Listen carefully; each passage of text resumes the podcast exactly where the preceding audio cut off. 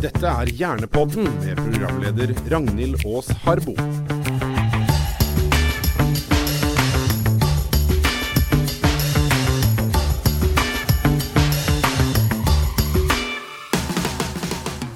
Jeg frykter litt at jeg kommer til å bli litt sulten den neste halvtimen. Jeg, får i. vi skal snakke om mat, nærmere bestemt mat og hjernehelse. Og nå tenker du kanskje litt sånn ah, Søren, skal det være enda mer råd om hva jeg kan og hva jeg ikke kan spise? Ja, det skal det, men jeg håper at vi kan liksom rydde litt opp i det der kaoset. Kanskje rett og slett gjøre det litt enkelt. Fordi jeg har fått på meg to flotte damer i studio i dag. Hjertelig velkommen, Anne Gunn Halvorsen. Tusen takk. Du er jo eh, forfatter og journalist. Har du noen gang skrevet en sånn der eh, Slik spiser du deg eh, til et lykkeligere liv? Typ. Nei, det har jeg faktisk ikke. Du har ikke det? Ja, det er et mirakel. Jeg har gjort veldig mange andre saker der undertittelen er lykke, 'Til et lykkeligere liv'. men eh, faktisk ikke spiser. Men jeg har lest en del av de sakene, da. Ja, ikke sant? Står for min del av klikken. Klikken inn. Eh, men du har skrevet ei bok som heter 'Livet og hvordan jeg lever, det', og der er litt mat eh, i bildet. Det skal vi tilbake til. Men vi har selvfølgelig òg en klinisk ernæringsfysiolog i studio. Velkommen, Tine Meilbo Sundfør. Tusen takk. Hva spiste du til frokost i dag, egentlig? Du, I dag var det havregrøt, altså. Veldig sånn klassisk, men med masse hjemmelagd jordbærsyltetøy på toppen, og litt kanel og litt mandler, og da blir det veldig godt, da. Har du liksom hjernehelse i tankene når du velger hva du skal til frokost? Nei, det første jeg tenker på er hva jeg har lyst på. Ja? Ja, og det gjør vi alle mann alle. Det må smake godt. Og så er det klart at eh, for meg så tror jeg at eh, disse valgene her er blitt så vaner at jeg går jo ikke rundt og tenker sånn nå må jeg spise sunt. Det hadde jo vært fryktelig slitsomt å gå og tenke på det hele tiden. Men eh, jeg vet jo hva jeg syns er godt, og jeg vet jo også at når jeg får en litt sånn både god start på dagen og ja, putter i meg litt fornuftige ting, så ender den dagen opp veldig ofte med å bli litt bedre da enn en del av de der andre dagene. Men det er noe av hvert i mitt liv òg. Ja, og men mat eh, Det jeg føler Når, når en snakker om mat og helse, så tenker folk på sånn eh, å spise seg for å holde seg slank og frisk og sunn. Men han, glemmer vi litt hjernen? Ja, jeg tror, jeg tror veldig mange faktisk ikke er klar over det. Altså, de har hørt at eh, mat har noe å si for eh, konsentrasjon, på en måte. Det har mange fått med seg. Men at det vi spiser, faktisk påvirker risikoen også for å få sykdommer i hjernen, det tror jeg det er mange som ikke, ikke vet om. Altså, de vet ikke om at uh, f.eks. Alzheimer kan påvirke seg av hva du spiser. Det tror jeg er nytt for mange. Og så tror jeg mange glemmer når vi snakker om den flotte samlebetegnelsen som folk har hørt hundre ganger, hjerte- og karsykdom, at i karsykdom, så er det da også alle disse andre karene i kroppen vår, altså blodårene i kroppen vår, f.eks. også i hjernen, da, som jo påvirkes da av hva vi spiser. Men vi skal jo ikke gå rundt med dårlig samvittighet for ikke å, å klare dette godt nok. Jeg har ikke hørt om noen som eh, har blitt eh, sunnere eller fått bedre helse av å ha dårlig samvittighet. Så der er det gjort er gjort og spist er spist, sånn som reven i Hakkebakkeskogen sier. Men eh, det å lage noen planer og putte inn god mat, det tror jeg mange kjenner at det gjør en lykkeligere. Som du var inne på i stad. Anne Gunn, visste du, har du hatt noen sånn kobling mellom liksom, mat og hjernehelse? Eh, Ja, det har jeg jo som et vanlig lesende menneske på et eller annet vis fått med meg. For jeg har jo, jeg er veldig opptatt av å ta inn over meg det jeg, det jeg tror jeg bør vite om forskjellige ting i hverdagslivet. Eh, når det gjelder mat, så blir det jo nesten litt for masse av det gode for meg, fordi at jeg vet jo det når jeg hører dere snakke, at ja da, eh, mat kan eh, ikke forårsake, men kanskje forebygge Alzheimers, f.eks. eksempel Men så vet jeg jo òg at det man spiser, påvirker miljøet. Det påvirker resten, alle andre deler av kroppen. Eh, og kan vel òg påvirke neste generasjon. Eh, så, det, så det har framstått for meg som veldig komplisert, og jeg blir istedenfor å bli sånn wow, tenk alle muligheter som ligger i mat. Eh, for å gjøre noe bedre, så blir jeg sånn å gud, tenk alt jeg kan ødelegge. sant. Du Ved jo, å bare spise chips og cola, da.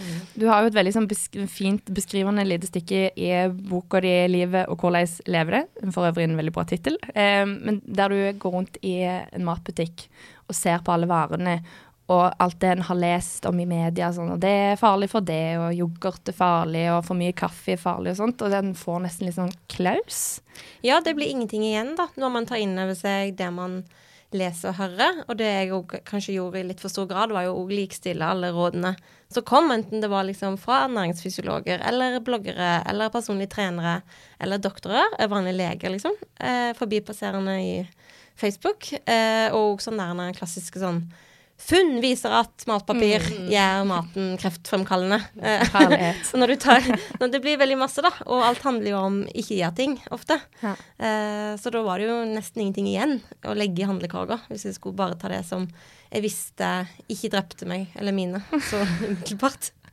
For meg, Vi må finne ut av det her. Altså, Tine, hva er det egentlig som skjer i hjernen når vi spiser? Ja, altså Hjernen er jo, eh, sammen med lever, da, det organet i kroppen vår som bruker mest energi, altså flest kalorier, egentlig. Og det er jo et paradoks i seg selv, at mange tenker på kalorier som noe negativt. Mens det er én ting som er helt sikkert, og det er at du må spise kalorier hver eneste dag. Eller så dør du. Så da kan du bare glemme alle andre råd. Få i deg kalorier, det er det aller viktigste. Det skal vi klare. Ja, ikke sant? og så hjernen den bruker nesten 20% av energien av det vi bruker når vi er i ro. Så hjernen vår den trenger virkelig tilførsel av bensin. Og så er det klart at hjernen den påvirkes bl.a. av hvordan er blodsukkeret vårt. Den påvirkes av De fleste har kjent at de får vondt i hodet hvis de har drukket kjempelite vann en dag. Eh, og så påvirkes den på lengre sikt da, av hvilke At det er spesielle stoffer som bl.a. så er det veldig mye av disse spesielle fettsyrene som er viktige for oppbyggingen av hjernen. Så ja, dette er jo sammensatt. Hjernen er ikke lett sånn fysiologisk sett, men vi skal ikke gå gjennom hele den. Nei, men kalorier er iallfall viktig. Vi trenger energi, og vi trenger noe for å holde et stabilt blodsukker. Og vi trenger en jevn tilførsel av energi og få i oss alle de næringsstoffene som resten av kroppen, men også da hjernen vår trenger. Men hva skjer hvis en ikke spiser, da? Altså, Du sa jo at vi dør, men liksom Ja. det skjer jo ikke med en gang, heldigvis. Men altså, det aller første som skjer, det har vi jo kjent på alle sammen. Du føler deg fryktelig sulten. Og når du føler deg fryktelig sulten, så er det ikke eh, Altså, da kjenner vi jo at det er en følelse som overtar for å ha fokus andre steder. Altså, det er noe med at hjernen er litt som en um, Frank Zappa har sagt det, at hjernen vår ligner på en fallskjerm. Den fungerer best når den er åpen.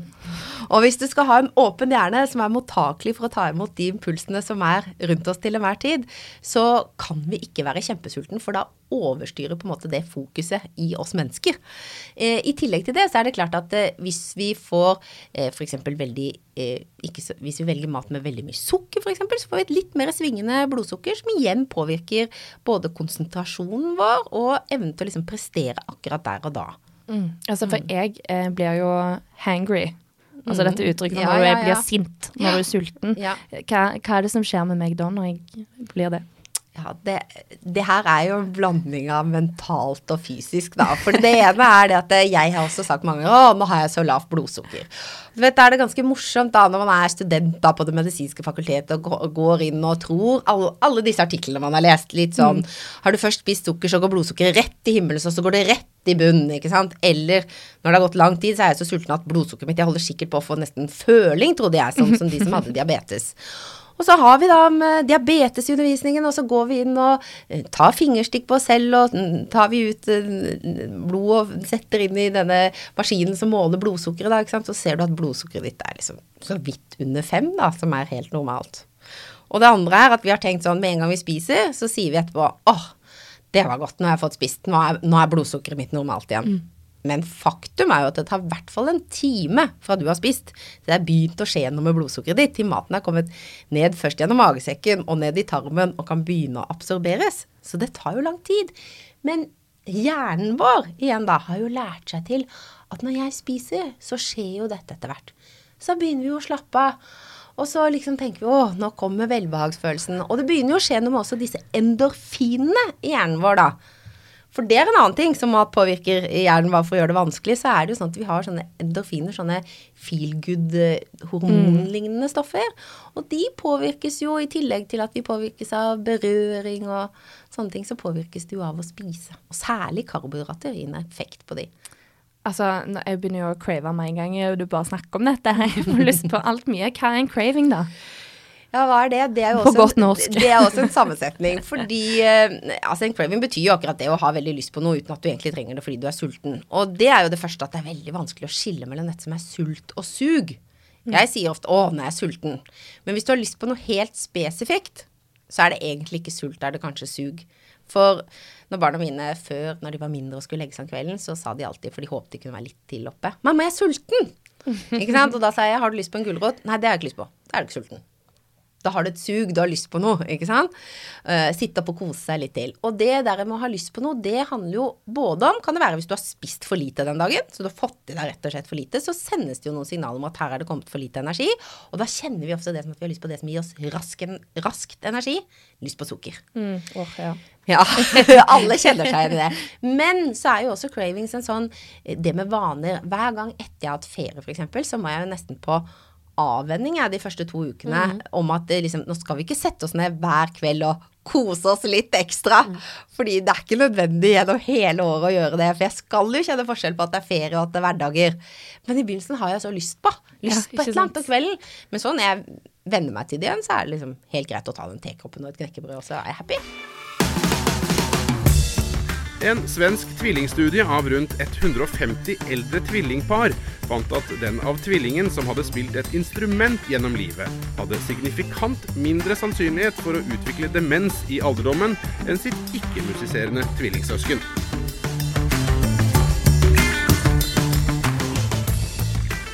Men kan det jo være sånn at når du får en craving, da, eller når du har veldig lyst, så vet jeg at det er veldig mange som sier sånn mm. Det er fordi kroppen forteller meg at jeg trenger kjøtt mm. eller mm. sukker eller ja, Og det har jo mange sagt, og jeg kjenner altså mange, ikke minst når man er gravid, så føler man jo ofte at det er én ting man har veldig lyst på. Maling. Dessverre så er det sjeldent at det er sånn fordi at man virkelig trenger det. Men det, det føles vane, liksom, ja, med, vane, ja. med vane. Og så føles det veldig deilig å si at det er nok fordi jeg må ha det. Men altså Og så handler det jo litt om årstid. Jeg får fryktelig fryktelig lyst på appelsiner Først klementinene før jul, og så appelsinene etter det. Men det er jo fordi jeg har masse gode minner mm. knytta til klementinlukt i desember. Som kommer fra hjernen, da. ja, som kommer fra hjernen. ja, mm. Men som ikke nødvendigvis er et fysiologisk behov i kroppen, men, men, mer fordi at det, det er jo én ting. Det er jo ett senter i hjernen vår som virkelig skal stimuleres for at vi skal ha det bra, og det er nytelsessenteret. Mm. Og det er jo egentlig det er hele grunnen til at vi mennesker lever det. Vi vil kjenne på nytelse. Så det er alle de der fantastiske minnene f.eks. som er, til, er knytta til mat, ja, ja, ja. og gode opplevelser rundt mat, det er jo noe som man forhåpentligvis har med seg inn i livet sitt som noe som er med på å øke livskvaliteten. Og da er det veldig trist, da, når det blir sånn som Anne Gunn sier i stad, at uh, matgleden og nytelsen blir nesten bare skjøvet ut fordi det blir alle disse burde og skulle og farlig og Mye konsekvenser, rett og slett. Det føles ja. som det er masse konsekvenser knytta til mat. Ja. Uh, og til hva enkelt matvare. Mm. Mm. Um, og jeg tror det skyldes litt at man kan kanskje litt for lite om mat fra skolesystemet det kommer til skolesystemet. Man blir veldig, får inntrykk av at her er det hver mann for seg sjøl, som jo ellers òg i samfunnet i økende grad. Um, så hvis du gjør alt riktig og tar inn, sørger for å lese deg opp ordentlig, mm. så kan det gå deg godt. Mm. Men det kan òg gå deg fryktelig ille hvis du mm. ikke Jeg tror du peker på noe veldig riktig, fordi jeg opplever at mange tenker at nei, jeg kan så masse, for jeg har lest så masse. Men det vi har lest er jo, som du sa i stad, det er jo veldig ofte kilder som kanskje særlig det som ligger i bunn, det er, ofte når, hvis det, er litt, det er jo at man har et ønske om å selge noe. Enten man skal mm. selge bloggen sin eller boka si eller pillene sine eller hva man skal. Så de vi ofte får informasjon fra, det er jo en god kombo av informasjon og markedsføring for veldig, veldig mange. Selv om det er litt sånn fordekt markedsføring. Mm. Mens de som ikke har noen økonomiske interesser i det hele tatt, er ikke så veldig mange som logger seg på Helsedirektoratet sine sider, faktisk, altså for å lese om mat. For det er så som, utrolig kjedelig. De, altså det, for det er ja, så lite spektakulære. Ja, lite sexy og spennende ja. og gøy. Ja. Eller som går og låner seg Det er sånn som jeg sier at på biblioteket så burde det egentlig stått, der det handler om ernæring, så burde det stått en som het facts, og en som het fiction. Mm. Men hva er det som er facts, da? Hva skal han, hva skal han spise? Ja, det, det er kjedelig enkelt, det, da, kan mange si. Men det, det er jo faktisk Kostholdsrådene våre er veldig gode. Og kostholdsrådene som vi har i Norge, det er ikke altså noe som Altså de offisielle, på en måte? De, de, de fra offisielle fra helsemyndighetene. De er ikke noe som helsemyndighetene fant på på julebord etter klokka to. Det er jo forskning som ligger til grunn. Og så er det det at forskning, hvis du går inn pekte på noe annet veldig viktig stadion, Gunn, når du sier dem at funn viser sånn og funn viser sånn. Du kan finne en forskningsartikkel som støtter opp under akkurat det du vil. Så det man har gjort før man lager kostholdsråd, det er jo på en måte at man har tatt, ikke på en måte engang, man har gått gjennom all forskning på det området. Og så har man sagt hvor er det hoveddelen av resultatene i disse studiene peker. Og kan vi da formulere et kostholdsråd ut ifra det. Så det finnes kanskje 10% resultater som viser det motsatte. Og så finnes det 90 som viser dette. For dette her er ikke matematikk med to streker under, under svaret. Og det skjer utvikling, men vi vet veldig mye. Og de kostholdsrådene som vi har i Norge, de er på linje med de kostholdsrådene Verdens helseorganisasjon gir, de du finner i USA, de du finner i de europeiske kostholdsrådene. Så, så dette er veldig gjengs. Og det handler jo om noen enkle ting. Det handler om å spise mer frukt og grønt. Det handler om å spise mer fisk. Det handler om å spise mindre kjøtt, og i hvert fall mindre av de feite, opplanda produktene. Det handler om å velge fullkornsprodukter framfor det sikta hvetemelet. Og det handler om å få i seg litt mindre salt, og så kose seg med de der spesielle tingene som vi ikke skal ha for mye av. Av og til, og ikke hele tiden. Oh, nå ser jeg for meg den der pyramiden i naturfagsboka fra ungdomsskolen med liksom grunnsteinene oppå hverandre, hva som er viktigst, og så litt grann kos på toppen der. Men det som er så fint med dette, da Fordi i stad så sa vi jo at også er det så mange sykdommer, og så skal man tenke på klima og på miljø, og man skal tenke på alt. Det som er fint, er jo faktisk at disse kostholdsrådene, de skal jo ikke bare ivareta den enkelte sin helse, men de skal være såkalte bærekraftige kostholdsråd. Så det skal også være kostholdsråd som gjør at det er mat til neste generasjon, og som gjør at å produsere denne maten skaper ikke et så stort miljøavtrykk at det ikke kan forsvares. Sånn at hvis du skal redusere litt på kjøttet, så handler jo ikke det bare om din egen helse her og nå, men det handler om at vi skal tørre å få barn og barnebarn i denne verden. Var det, var det litt det samme du kom fram til? Ja, det var det. Når jeg endelig klarte å oppspore ernæringsfysiologen som jeg intervjua, som ikke ville gi noe intervjuer, for han var så lei av å delta i offentlig debatt. Fordi han opplevde det at hans ikke- Ikke påstander, men hans eh, innsikter ble stilt på like fot med en tilfeldig kokebokforfatter eller en annen med langt mindre faglig bakgrunn. Eh, så han orka ikke mer. Og sa òg det at han, eh, når han kom ut fra konferanser og det man diskuterte i fagmiljøet, er ofte noe helt annet enn det folk flest er opptatt av. Eh, som er det som kanskje står på framsida av VG. sånn Polske blåbær, er det livsfarlig eller ikke?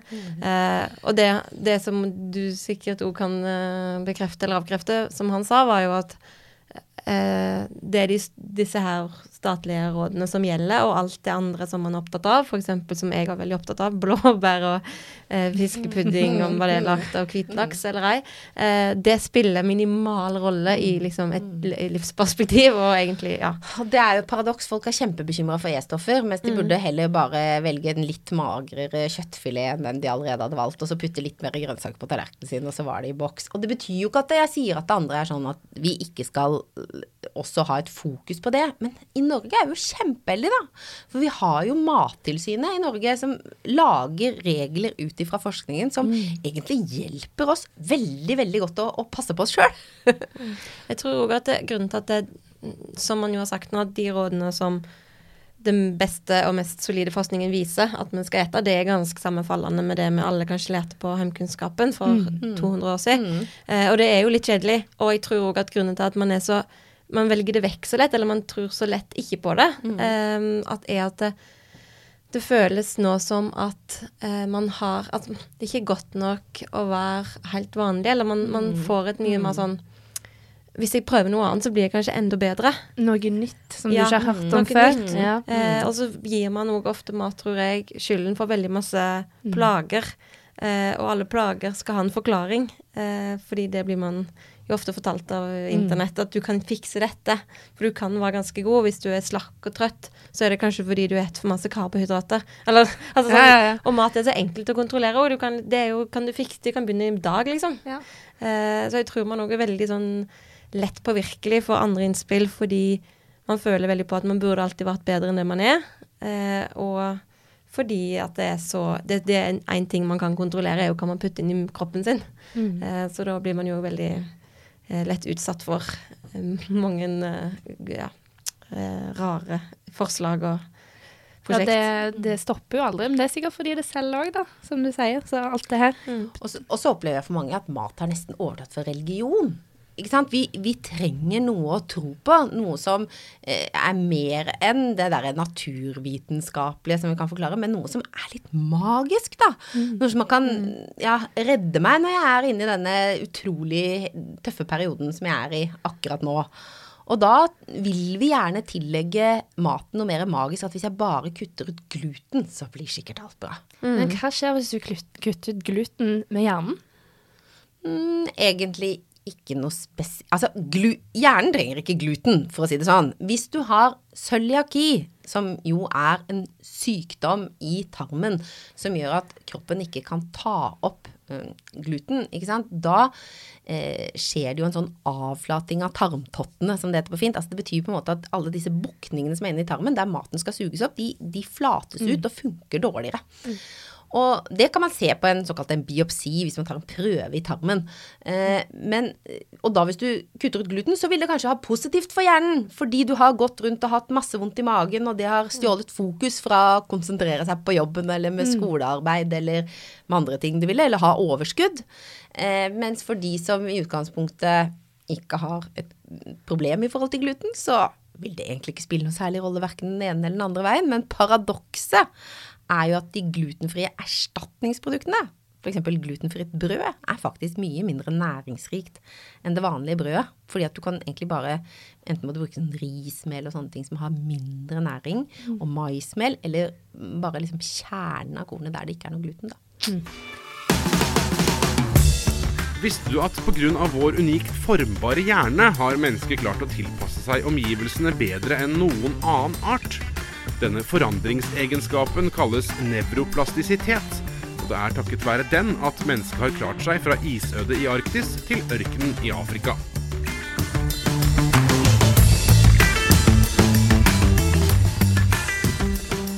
Det er jo litt sånn Vi har jo hørt 'du blir hva du spiser'. Og så når en tenker at det, personligheten vår sitter i hjernen, så blir jo dette her liksom sånn Å, herlighet. Da må det jo være kjempeviktig hva vi putter i oss.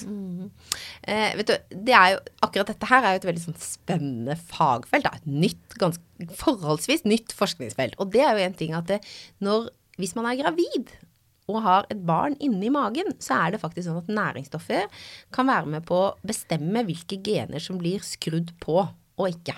Og der kan det faktisk ha en, en veldig viktig betydning for oss senere i livet. Eh, men ellers så tenker jeg at du blir hva du spiser. Ja, det skulle jo bety at hvis du spiste epler som var runde, ble det rund, men det gjør du jo ikke. Så det, der er det jo en sannhet i det at det, det å fylle på noe fornuftig, det gir deg en effekt. Og det er akkurat som jeg har prøvd å fylle før da vi hadde dieselbensin, fylle bensin på den, jeg. Det går ikke noe særlig bra. Da ble vi stående der i hvert fall et døgn til det kunne komme kranbil og vi som hadde ferie. Men eh, det er klart at det, Og det er ikke like akutt effekt i kroppen når vi gir feil drivstoff, men kroppen funker dårlig på gærent drivstoff. Men hva som er galt eh, drivstoff, da, hvis du vil at hjernen skal funke optimalt? Ja, det er jo å gi hjernen lite, lite næringsrik mat som gir et svingende blodsukker. Og det betyr jo egentlig da det motsatte. Jeg liker jo bedre å snakke om hva vi skal gjøre, da, enn hva vi ikke skal gjøre. Men eh, sånn sett så kan du si at det, det ligger jo i det der å spise masse sukker og, og junkfood og snacks. Men igjen, det her har alle, som du var inne på i Gunn, alle lærte jo dette på skolen en gang. Det er ingen som behøver å bli fortalt at cola ikke er sunt. Jeg tror ingen går i butikken og handler seg en cola med den tanken om at nå skal jeg være sunn når jeg kjøper meg en cola. Men eh, det er jo fordi at det, det er en annen ting også som det, som det tilfredsstiller, og som hjernen blir veldig tilfredsstilt av. Og det er jo dette med, med god smak og med karbohydrater. Du skal ikke kimse av det heller. At den kortvarige effekten for hjernen av å drikke sukker den er kjempepositiv. Og, ikke sant? Fordi du får en kick akkurat der og da. Opplevelsen din er å, dette ga meg noe. Og det er jo derfor det er så lett å ty til igjen. Men in the long run så er det verken bra for hjernen eller for helsa eller for ditt overskudd. For det er det som gjør at du ikke får de næringsstoffene kroppen trenger, og at blodsukkeret hopper opp og ned. En annen ting som er litt sånn skummelt eller interessant eh, med mat Du sier jo eh, masse kan vi jo og vet er bra for oss. Og nå, nå har jo nettopp forklart det at sug og cravings at det er i stor grad en illusjon og ikke et skrik etter næringsstoff fra kroppen. Eh, så da lurer jeg på hva som skjer når man likevel gir etter for det man vet er feil. Og kanskje man gjør det i stor grad, og kanskje man sliter med helse pga. det. For det er jo lett å tenke, og jeg vet at mange tenker sånn, eh, at overvektige f.eks. er dumme fordi de ikke klarer å spise riktig. Og det er jo så lett å finne ut hva som er riktig. Eh, sånn iallfall riktigere enn chips og cola, da. Ja. Eh, hva tenker du om det? Hvis vi først snakker om det med overvekt, fordi at det er noe som ligger mitt hjerte nær, og det er at det handler ingenting om intelligens. Og der handler det bl.a. om at vi er genetisk veldig forskjellige. Dette her var veldig lett på 50-tallet, når tilbudet av mat var mye mindre og vi hadde dårligere økonomi, så var det andre ting som satt sperrer. Mens i dag, når mat er blitt så all, Da sier jeg på en måte altfor billig i forhold til hva vi tjener i forhold til andre ting. Så er det noe med at vi er genetisk forskjellige, særlig i forhold til dette som handler om appetittregulering. Folk tror at det som er forskjellig, er at de sier at nei, jeg har så lav forbrenning eller jeg har så høy forbrenning. Men det er ikke riktig. Men appetittregulering er utrolig forskjellig. Så for noen mennesker så får man helt sånn Man spiser, og så sender hjernen beskjed. Du har fått nok. Du er mett. Og vet du hva? De kan ikke tenke seg å spise mer ja, kanskje en liten sjokoladebit i kaffekoppen etterpå, liksom. De kunne ikke tenke seg å spise mer. Mens for en del som sliter med vekt, så må de stoppe seg selv på vilje til hvert eneste måltid og si 'nå har du fått nok'. Ikke fordi de tenker sånn 'nei, nå vil jeg ikke ha mer'. Tenk hvor slitsomt det er. Tenk hvor mange ganger om dagen du blir utsatt for å skulle gjøre det. Noen har det til, til det ekstreme. De har sånne genmutasjoner som er eh, ja, så sterke at det er nesten alle er overvektige, men det er de færreste. Mm. Veldig få. Men det er mange signaler som styrer sult og metthet, og hvis man har liksom noen sånne eh, forstyrrelser der, så for noen så er dette her enormt vanskelig å kontrollere i et samfunn mm. hvor det er tilbud om mat 24-7, og hvor vi får høre liksom, hele døgnet, altså alt fra det er lov å la seg friste til at det er tre for to Nei, det blir kanskje motsatt. To for tre. Mm. Ja, to for tre til at kjøp heller fem istedenfor én. Og det der med at vi gjør, gjør mm. dumme valg, det gjør vi jo på alle områder. Mm. Jeg kjenner meg veldig igjen i at hvor mange morgener er det ikke jeg sier til meg selv i kveld skal jeg legge meg tidlig. Jeg mm. vet at for helsa mi er søvn tror jeg kanskje er det viktigste helse, det som påvirker helsa vår mest av alt. Og i hvert fall hjernen, har jeg lært. Og i hvert fall hjernen. Og i tillegg alle disse andre tingene. For hvis mm. du er trøtt og sliten, så kommer du ikke til å ta den derre eh, treningsøkta. Du kommer ikke til å gå hjem og lage en fornuftig mm. middag. Du kommer til å stappe inn en Grandis og være happy. Mm. Ikke sant? Sånn at eh, til tross for at jeg vet at i morgen blir min dag så mye bedre hvis jeg legger meg litt tidligere i kveld Effekten kommer umiddelbart, jeg kjenner det dagen etter. Allikevel er det så vanskelig. Mm, sant. Så vi er jo veldig lite veloverveid i de aller fleste valg vi tar. Det handler ekstremt mye på impuls. Det er veldig trist, men vi gjør det. Det er jo noe med å erkjenne det òg, da. At det er sånn man er. Så slipper man å bli så skamfull og skuffa hver gang det mm, skjer. Mm. Um, det har jeg nettopp skrevet en sak om når det gjelder klimaskam. At uh, mm. uh, istedenfor at man hele tida skal gå i kjelleren fordi man ikke klarer å ta de beste valgene hele tida, mm. så bør man jo bare være klar over at man som uh, art er ganske ufullkommen. Ikke sant? Og så heller prøve på nytt.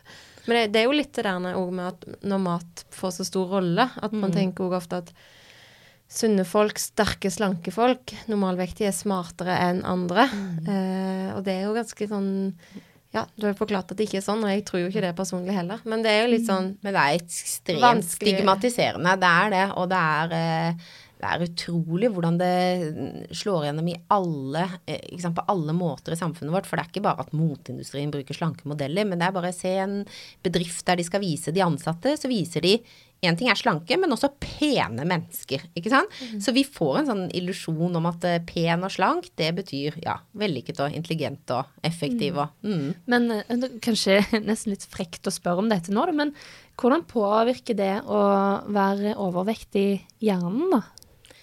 Ja, det kommer an på. Altså, eh, på den ene siden kan du si at det er ikke noen sånn direkte sammenheng. Men det er klart at eh, en del som er overvektig, eh, ikke alle, men en del av de som er overvektig, har også kvalitativt sett et usunt kosthold. Da. Og da kan man f.eks. kanskje man spiser mer salt og mer av det usunne fettet, og lite frukt og grønt. Og de tingene kan bidra til et høyere blodtrykk.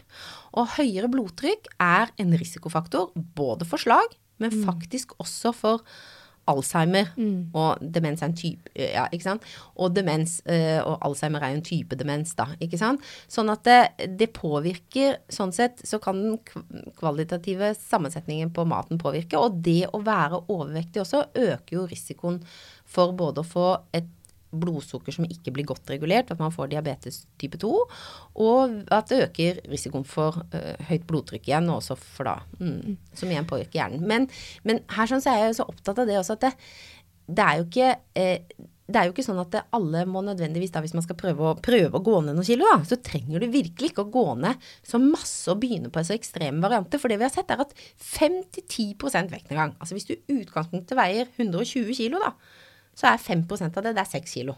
Mm. Å gå ned de 6 kiloene gir stor helsegevinst. Og det blir det snakket for lite om. Så folk tror på en måte at eh, da må de gå ned 30 kilo for å bli normalvektige. Og så tror de samtidig at hvis de går ned de 30 kiloene, så skal de bli så lykkelige. Og da blir de jo fryktelig skuffa når de kjenner at de ble ikke noe lykkeligere. Det er ikke hele tatt. Ja, og ikke smartere heller, nei. Når vi er forelsket, sendes det ut signaler til kroppen som gjør at hjertet slår raskere, og det kjennes som om alle følelsene du har, sentreres der hånden til din kjære hviler på låret ditt.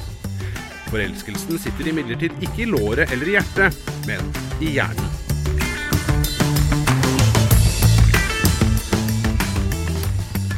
Men eh, da eh, har jo kosthold en del å si for eh, hjernehelsen vår. Eh, du snakker om Alzheimer, så er det andre hjernesykdommer du kan eh, forebygge med kosthold? Altså rett og slett det med i, altså Ja, altså, altså slag, som sagt, da. Eh, det er jo det, det vi har visst om veldig lenge, at der har eh, mat mye å si. Men i tillegg til det så kan du jo minske symptomer for en del andre sykdommer, og kanskje til en viss grad også forebygge. Hvis vi tenker f.eks. depresjon, så er det vist en del studier som viser at det er en sammenheng mellom kostholdet og, eh, og risiko for depresjon. Men her sånn så har vi ikke ordentlig klart å slå fast alle årsaksmekanismene. Så vi er ikke alltid helt sikre på hva kommer først, høna eller egget. For blir du først deprimert, så er det også lett å spise dårlig.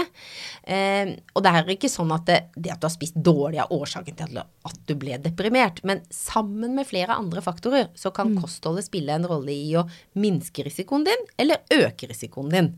Eh, og det kan også kanskje minske symptomene med en del. F.eks. ADHD, så kan, er det ikke sånn at du kan spise deg frisk. Det er bare tull. Eh, men det er sånn at du kan kanskje minske noen av symptomene. fordi at hvis, I og med at vi vet at konsentrasjonsutfordringer er noe som mange med f.eks. ADHD kommer på, så vet vi også at hvis vi har enten ikke spist, er fryktelig sultne, eller bare hevet i oss en cola eller noe som gjør blodsukker raskt opp og raskt ned, så blir vi mindre konsentrert. Og det vil jo selvfølgelig ikke hjelpe på hvis man allerede har disse utfordringene. Ikke sant. Og trikset for å ha konsentrasjonen oppe, det var jevnt Jevnt blodsukker. Ikke sant. Og så tenker jeg sånn, også sånn når jeg nå, nå blir det mye snakk og mange ting, og kan vel liksom tenke noe. Så tenker jeg litt sånn, tenk på når du skal spise et måltid. Så har du tallerkenen din foran deg, og så tenker du at ok, den her skal jeg dele i tre. På den ene tredjedelen så skal det ligge grønnsaker, eventuelt frukt. Til alle måltider. Til frokost kanskje det er litt mer bær og frukt, og til lunsj og til middag så er det litt mer grønnsaker. Og så på den neste delen så skal det ligge noen proteiner, sånn det er det som, som musklene eh, mine trenger for å vedlikeholdes. Og det er, som de fleste vet, det er mm, kylling eller fisk eller magert kjøtt, eller det kan være melkeprodukter. Eller det kan være bønner og linser og nøtter, at vi velger mer vegetarisk. Og her kan vi jo variere. Og så den siste delen, så er det gjerne fullkornsprodukter. Og det er det som er den der direkte bensinen, energien. Og dette her kan vi egentlig bruke til alle måltider. Det kalles for tallerkenmodellen på fint. Og hvis man prøver å se den for seg hver gang, så om du så skal spise pizza, da, som du ikke tenker at er det sunneste i hele verden, og til og med var det frossenpizza, det spiser vi annenhver helg om vinteren, tror jeg, på hver fredag. Fordi da kommer vi opp på hytta om vinteren, og hva er det som går kjapt å lage? Jo, det er frossenpizza, og da får folk sjokk. Mm. hallo, er ikke du klinisk ernæringsfysiolog? Jo, men jeg spiser jo alltid en salat ved siden av, da. Og da automatisk så spiser jeg litt mindre pizza, og så spiser jeg litt mer salat, uten at jeg trenger å tenke at å nei, ikke det stykket der. Og så koser vi oss med den, og så gjorde det at vi hadde en fin fredag kveld. Og så har jeg jo spist noe annet resten av uka, og så har jeg ikke dårlig samvittighet for det, altså. Anne Gunn, bruker du tallerkenmodellen? Eh, I teorien, ja. Og du gjør det? Praksis, nei. jo, men jeg tror jo heldigvis hvis man har en ganske vanlig vanlig oppvekst, sånn som jeg heldigvis har hatt, der man liksom har hatt en mor, selvfølgelig, som har lagd mat og servert poteter og saus og eh, gulrøtter og kjøtt, så har man jo liksom hatt den tallerkenmodellen mer eller mindre har fått den foran seg og har den litt under huden, da. Eh, jeg tror jo problemene oppstår jo først når man begynner å skal eksperimentere med det, hvis man allerede har et ganske greit basic kosthold, og tenker at potetene må vekk, eller kjøttet må helt vekk, eller disse grønnsakene her er vel kanskje sprøyta og sånt. Eh, det er da det begynner å bli vanskelig. Men jeg tenker jo det er glimrende òg for å unngå dårlig samvittighet, sånn som med frossenpizza og industrialisert mat, og sånn som de aller fleste, spesielt med en hektisk hverdag, tyr til, og bør kanskje ty til for å ikke gå på andre typer smeller, eh, så er jo det der Det er en veldig sånn fin måte å eliminere dårlig samvittighet, for da har du gjort det. Check fra de. Mm. Og så syns jeg du er inne på en ting til, og det er det at det selvfølgelig Ja, det er individet som bestemmer hva man spiser. Men vet du hva? Vi trenger hjelp på et strukturelt, et samfunnsnivå. Fordi det å på en måte si at ferdigmat er usunt og matlag fra bunnen er sunt, eh, jo, det er ofte sånn, men allikevel, som du sier òg, for å få hverdagen til å, å gå i hop, så må man innimellom spise noe ferdigmat. Og da trenger vi litt hjelp fra matvareindustrien da, til å gi oss flere gode og sunne alternativer. Til virkelig å bruke litt forskningsmidler på å klare å komme fram til noen gode løsninger der. Fordi da blir det mye lettere for oss. Og det er sånne småting sånn som eh, Ja, heldigvis så er jo matvareindustrien i hvert fall noe mer nå kommet på banen, og det er kommet noen samarbeid, bl.a. dette saltpartnerskapet. Der samarbeider jo Helsedirektoratet med matvareindustrien. Det syns jeg er veldig flott. Eh, jeg har eh, akkurat hørt på 'Becoming' med Michelle Obama, og hun snakker jo masse om dette, hvordan de prøvde å få matvareindustrien på laget. Fordi hvis, hvis det bare er lagt opp sånn at det er frukt og grønnsaker som står først i butikken når du kommer inn, så uten at vi snakker om noe som helst, det er kjøp sånn og gjør sånn, eh, så ser vi at folk handler mer frukt og grønt enn de gjør ellers. Så det er veldig gøy. altså Du bare putter det aller først i butikken, og så kan man se, det er jo veldig lett for butikken å ha oversikt over hva de har solgt, og så ser de at jo, når frukt og grønt ligger først i butikken, veldig lett tilgjengelig det første du kommer til, så, så handler forbrukeren med frukt og grønt. Og sånn hjelp vil vi ha mye av. Det er også noen studier som har vist at hvis du lar det grove brødet midt, i, midt på hylla, sånn der du på en måte bare strekker armen fram, og så lar du disse her loff-variantene øverst og nederst, så handler folk med grovt brød. Er vi så late? at vi er så lett påvirkelige at det er sånn, det er rett foran. Men de plasserer jo òg eh, godteriet rett ved kassen, da. Og, det, og, det er min og hvorfor død. gjør de det? Jo, fordi vi er så enkle som du nå sier. Ja, ja. Fordi vi da handler litt mer i godteri. Så vi får så utrolig mye gratis hvis vi får litt hjelp ved at det fins flere sunne produkter på markedet, ved at det fins eh, lagt opp riktig i butikken, og ved at handle Altså når det er sånn reklame for matvarebutikker, at ikke det bare er eh, at du kan kjøpe billige pølser og billig potetgull. Og så er det jo litt sånn at hvis man blir for bevisst, for flink, for tenker veldig mye på det hele dagen, så vil det jo bli så mye enklere å glippe. Og Spesielt på kvelden, for da har du vært flink hele dagen. Ja. Og kanskje ikke spist noen gang du egentlig syns er så godt. Så da tar du den sjokoladen, eller? Og så ja. blir det mye lengre fall og mye vanskeligere å holde oppe. Jeg kan ta den sjokoladen på vei hjem fra butikken for at jeg eh, pakker dagen min så full med ting jeg skal gjøre, at jeg plutselig glemmer å spise, og så er jeg på vei hjem fra jobb, og så er jeg kjempesulten, så handler jeg inn et eller annet kjapt til middag, og så tar jeg med meg en sjokolade bare for å få opp dette blodsukkeret før jeg kommer hjem. Det er en britisk komiker, Caitlin Moran, som har sagt det at eh, hun kommer fra en arbeiderklassefamilie og arbeiderklassestrøk, og hun skriver litt om overvekt i bøkene sine. Og hun sa det at eh, mat er de fattiges eh, eneste rusmiddel. Det er det eneste de, de har råd til. Og de kan ikke koste på seg uh, sterkere rusmiddel fordi de må på jobb neste dag. Uh, de kan ikke dra ut på byen. De har ikke råd til noe ekte rusmiddel, så da blir mat deres eh, en, en liksom foretrukne rusmiddel, og derfor òg en større kroppsvekt. Og tenker, jeg har tenkt så masse på etterpå, for jeg tipper veldig mange bruker mat som trøst og som nytelse, og det er en enkel måte å, å få lyst og glede inn i livet sitt på, da. Så jeg tenker jo sånn Nå har jeg akkurat skrevet en bok om stress, og det, føler liksom Alt henger sammen med eh, samfunnet og strukturen, og at hvis man har veldig hvis man, ikke, hvis man ikke har det bra, hvis man har veldig mye å gjøre, hvis man ikke har nok tid til å verken hvile hjernen eller uh, forberede mat eller tenke at man sjøl skal ha plass i hverdagen, så blir det så masse enklere at uh, maten blir en slags uh, salderingspost. Og igjen så følger jo alle disse uheldige konsekvensene. Og, og der tenker jeg det handler litt om det der når man skal gjøre endring, da. For det er jo en minst like viktig ting oppi dette her. Hvordan skal man gjøre endringer? Da er det jo veldig ofte sånn at det, ah, vi bestemmer oss på nyttårsaften i hurten og sturten over at eh, nei, nå skal jeg ikke spise noe mer sjokolade, og nå skal jeg ikke sånn og alt vi ikke skal gjøre. Og så går det to uker, og så tok vi en sjokoladebit, så tenker vi ja, jeg det igjen. Istedenfor å bestemme oss for for det første noe vi heller skal gjøre mer av. Det er jeg mye mer sansen for. Når jeg hører at folk har sånn godte, godteavtale med barna sine, så for det første har jeg ikke noe sansen for det uansett, da, for jeg tenker at det å heller spise litt av og til er Det er min mening, da. Er helt greit. Mens det å, overhodet ikke spist noe i en lang periode, for, hvor du kanskje enten ikke spiser noe, eller du bare ljuger for foreldrene dine, hva vet jeg, det er ikke nødvendigvis så positivt. Men jeg, hvis jeg skulle hatt noe sånt, hvis barna mine ønsker noe sånt, så hadde jeg heller foreslått at ja, ok, hvis du spiser fem om dagen hver gang, så kan vi mm, dra på teater. Fem om dagen, altså frukt og grønnsaker hver eneste dag. Mye mer å belønne de for noe som er en positivt innspill i, i livet deres, enn det der som i hele tiden fokus på forbud og forsakelse. Det er litt deilig, for at eh, begge to er litt sånn spis eh, det dere vil, bare liksom litt med måte, og kos dere innimellom. Er det det? rett outtake Ja. på det? Ja, veldig rett outtake. Og så tenker jeg å ta med at det som ligger der, som er de statlige kostholdsrådene, som er egentlig veldig like middelhavskostholdet som veldig mange har hørt om, bare liksom sånn tilpassa en norsk versjon. Så vi har kanskje litt mer rotgrønnsaker og litt færre tomater, fordi det vokser ikke så mange tomater i Norge midtvinters. Det er Det gir deg god helse både fra hodet og nedover, og fra hodet og oppover. Og det er også det mest gunstige i forhold til når vi ser på klimaavtrykk knyttet til mat. Så det er ikke så vanskelig å bestemme deg for å begynne med én ting. Bestem deg heller for å begynne med ok, jeg skal bare prøve å spise en, en rimelig grei frokost hver dag, da. Begynn med det, da.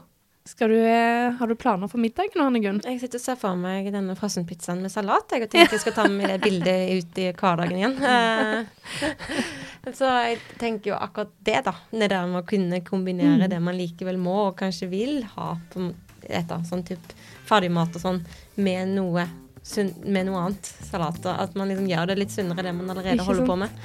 tenker det er et veldig smart uh, og overkommelig Ja, råd. jeg er òg litt glad for at uh, istedenfor at det er masse nye uh, råd og tips til hva jeg skal gjøre for å da holde hjernen sunn, så er det jo akkurat det samme som de, det Helsedirektoratet kommer med. Det er det vi skal spise for å ta vare på hjernen vår. Åh, deilig. Eh, Med det så må jeg bare si tusen takk for at du kommer her til Hjernepodden, eh, Tine Meilbo Sundfør og Anne Gunn Halvorsen.